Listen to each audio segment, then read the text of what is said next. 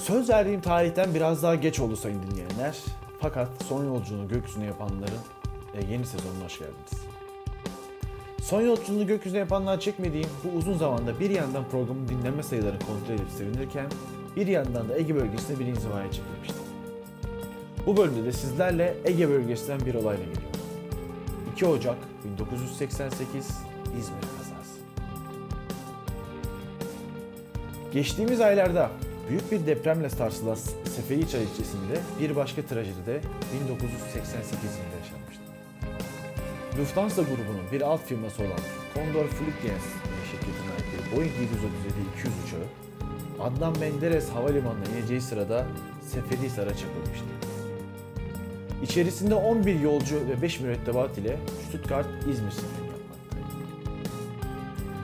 Dünyada giderek yükselen global terör olaylarının gölgesinde ülkemizde de terör çok can yakmaya başlamıştı. Tabii ki bu durumlar göz önüne alındığında bu kadar kusursuz giden bir uçuşun sonunun böyle bitmesi akıllara bir terör olayını getirmişti. Uçağın düşmesinin hemen ardından Türkiye'de terör faaliyetlerini sürdüren Kürdistan Kurtuluş Örgütü üyesi olduğu iddia edilen bir militan, Anadolu Ajansı'nı arayıp bu uçağın düşmesinden sorumlu olduklarını söylemiştir. Kaza araştırılmaya devam edildikçe gerçekler su yüzüne çıkıyor. O gün İzmir'de inanılmaz bir yağmur yağıyordu.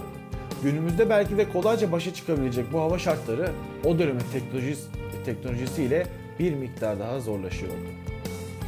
İkinci pilotun kontrolünde inişe geçen uçakta otomatik uçuş sisteminin koordinat sistemine girilen değerlerin yanlış olduğu okunabiliyordu.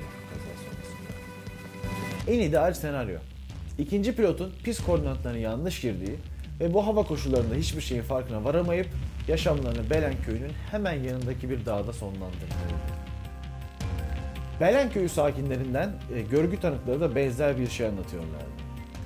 Bir terör olayı olması için kazadan hemen önce herhangi bir terslik olması gerekiyordu. Fakat uçak doğrudan dağa uçmuştu. Sanki havaalanı oradaymış gibi.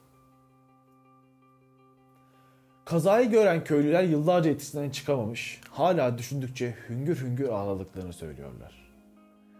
Kaza yerini ve köylülerle röportajları Kerem Gök'ün YouTube kanalından izleyebilirsiniz. Arazinin dağlık olması arama kurtarma çalışmalarını imkansız kılmış ve 16 kişi kış soğuğunda ölüme terk edilmek zorunda kalmış. Havacılıktan bağımsız olacak fakat 11. bölümümüzü İstanbul Sözleşmesi'ne adayalım. İstanbul Sözleşmesi yaşatır diyelim. Bir sonraki bölümde görüşmek üzere.